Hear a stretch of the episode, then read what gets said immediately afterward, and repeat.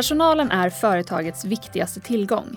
Det är gästerna i det här avsnittet av Arbetsförmedlingens arbetsgivarpodd överens om. Troligen håller du också med, men om du jobbar på ett mindre företag så kanske du inte har möjlighet att ha en eller flera personer som jobbar dedikerat med just personalfrågor. Då ska du lyssna extra noga nu.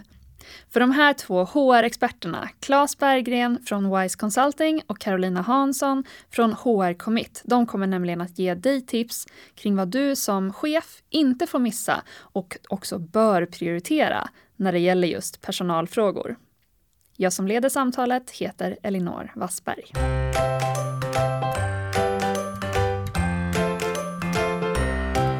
Välkomna hit Carolina från HR Commit och Claes från Wise Consulting. Tack. Tack. För de som inte känner till era företag sedan tidigare så tänkte jag, kan inte ni bara börja med att berätta lite vad, vad ni gör? Mm. Absolut. Ska jag börja? Mm. Um, jag är på Wise Consulting som ingår i en koncern som är Wise Group. Där ett antal olika HR-bolag ingår. Uh, och där Wise Consulting då jobbar med, specifikt med HR-frågor när det handlar om interim HR och ledarskapsutveckling och coachning. Och interim HR, vad innebär det? Det är när man kan hyra in en HR-resurs. Mm. Mm. Ja. ja, eh, och jag heter Carolina eh, och kommer från ett företag som heter HR Commit. Eh, och vi vänder oss mot små och medelstora företag som inte har en intern HR-avdelning. Så vi jobbar mycket med långsiktiga relationer med alla typer av HR-frågor egentligen. Det kan vara både operativa och strategiska frågor inom HR. För mindre företag helt enkelt. Mm. Och idag i det här samtalet så är det ju fokus på just HR-frågor, personalfrågor. Det är därför ni är här ja. som experter. Och jag tänker att de flesta vet att personalfrågor är viktiga. Det är någonting som man måste ta hand om sin personal, man vill att allting ska vara rätt och riktigt. Men är man ett mindre företag så kanske man inte har möjlighet att ja, men till en början ha någon anställd som verkligen fokuserar på det här och dedikerat jobbar med just HR. Så ni ska idag få dela med er av en del tips tänkte jag. Och när det gäller just ja, men HR då, vad är det som småföretagare verkligen bör se till att ha koll på eller prioritera? Ja, alltså jag skulle nog säga att man faktiskt man fokuserar på sin personal, att man, att man ser sin personal och eh, fortsätter att motivera och utveckla eh, personalen hela tiden. Eh, och då handlar det nog egentligen främst att jobba med arbetsmiljö. Eh, och det handlar ju om men just det här att det är dyrt att rekrytera exempelvis. Och då är det bättre för småföretagare som kan vara väldigt, eh, det kan vara väldigt utsatt för företag om en slutar, en person. Eh, att istället då behålla den personalen man har. Så jag tror att det är viktigt att fokusera på just arbetsmiljö. Ja, men jag håller med om det. Alltså, alltså, att ha engagerade medarbetare det är A och O mm. för ett företag. Ha medarbetare som trivs på jobbet, eh, som mår bra. Och då är det ju arbetsmiljöfrågorna som kommer in där. Och den eh, psykosociala arbetsmiljön har ju blivit sämre och sämre. Absolut. Eh, det visar ju all forskning. Så att man mår sämre på jobbet eh, och eh, med höga sjukskrivningstal som följd. Mm. Med rehabilitering etc.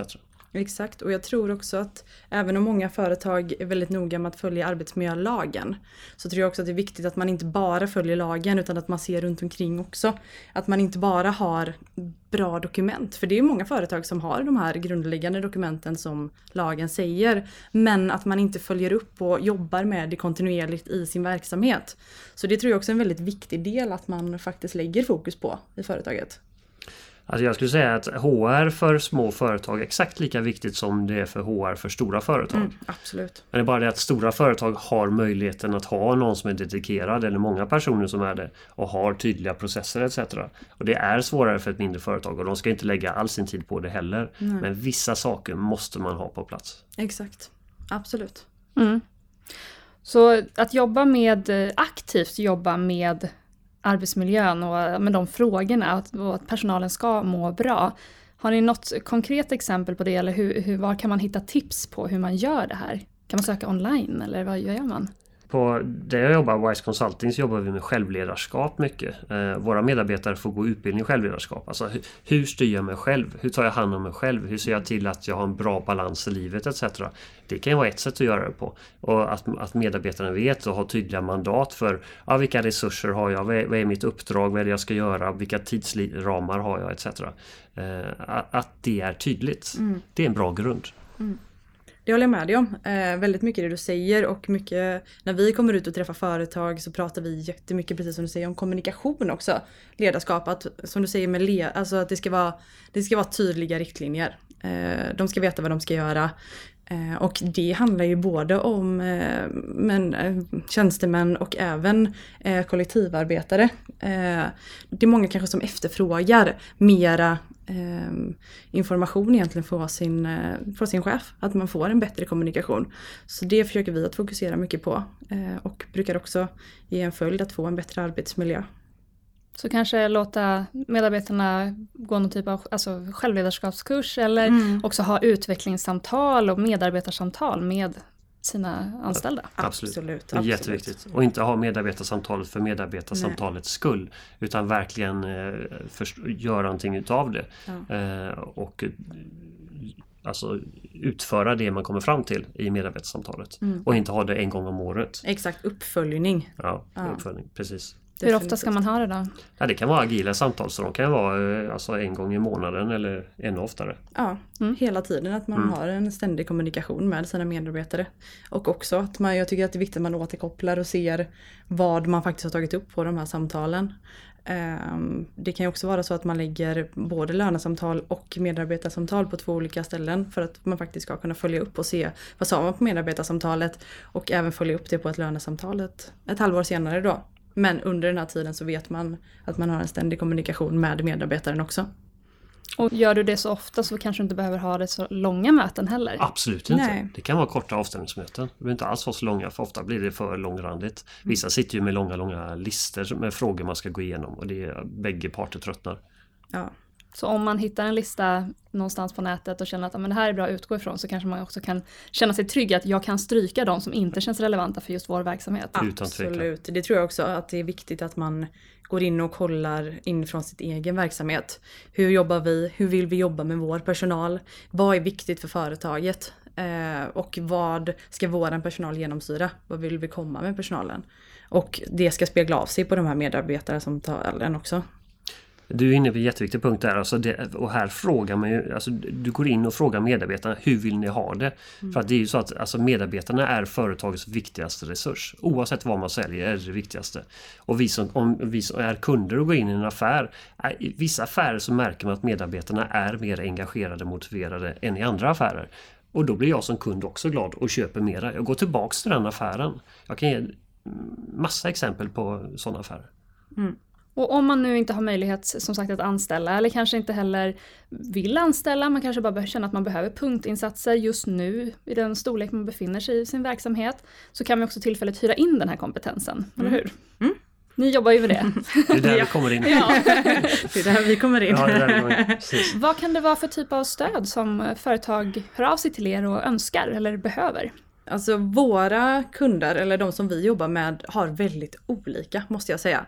Eh, vi kommer in i ett skede där antingen eh, de behöver operativ hjälp här och nu med ett konkret eh, personalproblem kanske. Ehm, eller så är det så att de, inte, de har massa processer och rutiner kring HR men de vet inte exakt hur de ska sammanställa de här processerna och rutinerna och hur de ska jobba med det konkret i en verksamhet. Eh, och där hjälper vi dem och bygger upp eh, en HR-struktur eh, till exempel. Eh, men vi kan också komma in, alltså vårt företag är uppbyggt på två ben helt enkelt. Att vi kommer in och kan göra operativa eh, punktinsatser. Vi kan komma in och, kom, eh, och göra operativa, eller strategiska punktinsatser. Men vi kan också finnas där hela tiden för vi har ett grundabonnemang i botten där våra kunder kan ringa oss när som helst med vilka typer av frågor eh, som helst, både strategiska och operativa, som går att eh, besvara. Eh, och rådgiva och coacha chefer över telefon och mail. Så om man som chef inte är så insatt i de här frågorna, vilket man, ja, är det inte ens expertområde så är man ju inte det. Mm.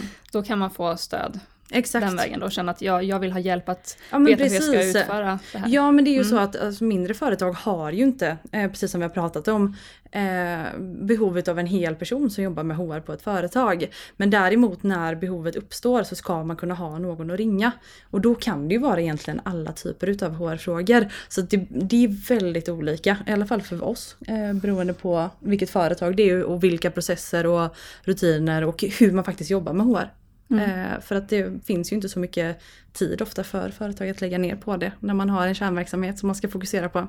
Precis. Du nämnde personalproblem så. Mm. Kan det vara att det är konflikt mellan två medarbetare eller en chef och medarbetare eller vad är det för typ av Ja. problem? Eh, det kan det absolut vara. Det kan ju vara allt ifrån eh, det behöver inte vara ett problem, men rehabilitering eh, utav en person att komma tillbaka till arbetet.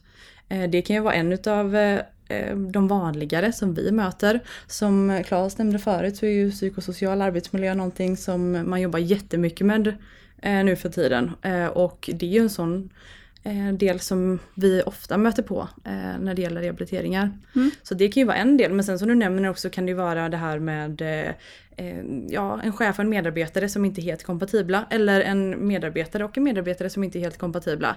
Och då kan man också komma in som en extern part och se det utifrån. Eh, och även ibland är det jätteenkelt att det är något litet missförstånd som man inte själv, man kanske stirrar sig blind inne i företaget på de här problemen. Men när man kommer ut som en extern part så kan man eh, bemöta det på ett ovanstående perspektiv istället. Hur ser det ut hos er Claes? Ja, ungefär samma. Ehm, jag har jobbat som HR-konsult i många år och varit ute på en mängd mindre företag. Eh, och man vill gärna eh, hyra in någon person som är där kanske en eller två dagar i veckan för man tycker att det räcker och det gör det ofta. Eh, och fördelen då med att ta in en konsult är att konsulten har benchmark från olika branscher och med sig mycket erfarenhet. Och det gör att, att man kommer mycket, mycket snabbare fram i personalarbetet. Och sen vilken typ av frågor det är. Det är allt mellan högt och lågt. Precis som du säger, det är operativt och det är strategiskt. Det kan vara individärenden, det kan vara alkoholmissbruk eller det kan vara personer som inte fungerar eller personer som fungerar jättebra. Hur kan vi behålla dem i företaget? Eller vilken rekryteringsstrategi man ska ha för det är en krig om talangerna där ute. Eh, Så allt mellan högt och lågt. Och sen kan det vara så att så småningom så har man varit där en till två dagar i veckan och så småningom har företaget växt och då kanske man behöver till slut anställa en HR-resurs. Men eller också inte. Det är Exakt. olika. Ja. Eh, Men så att eh, interim-HR eh, en eller två dagar i veckan eller HR per avrop där man, precis som du var inne på, ringer när man vill ha hjälp och support om man är ett litet företag. För man behöver ingen egen HR-resurs. Men HR-frågorna är viktiga, jätteviktiga det är svårt för en VD eller ekonomichef eller vem det nu är som ansvarar för de frågorna att kunna allting. Och det kostar att göra fel. Mm, Det det är det som är verkligen det. Och också det tar mycket tid ifrån kärnverksamheten. Mm. Så man kan faktiskt tjäna in på att ta in någon extern skulle jag säga för att man fokuserar på, som du sa också, den eh, viktigaste delen man har i ett företag, personalen. Ehm, och det tror jag också är viktigt att man låter någon som har eh, expertkunskap inom det faktiskt ta den rollen också. Att våga ta den rollen utifrån.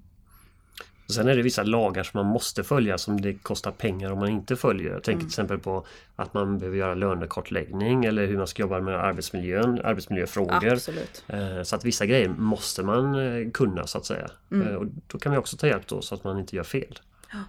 Så det kan vara värt om man är nystartare och har några anställda att faktiskt se till att åtminstone en själv då har den kompetensen via att gå en utbildning eller att som sagt hyra in den kompetensen. Ja, eller få hjälp med den Ja, kompetensen. precis. Få Exakt. hjälp där. Mm. En översyn lite grann. Hur jobbar vi med HR-frågorna här Ja. nu och framåt? Och få lite koll där. Mm. Ja. Stort tack för att ni kom hit och delade med er av era erfarenheter och berättade just vad är det man behöver tänka på, liksom, ja, komma ihåg och inte gå miste om för saker för att det kan kosta en väldigt dyrt. Så tack för att ni var här. Tack så mycket. Tack för att vi fick komma hit.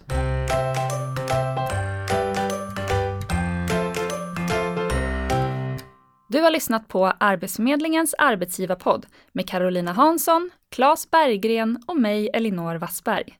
Tekniker var Andreas Damgård. Det här avsnittet producerades hösten 2019.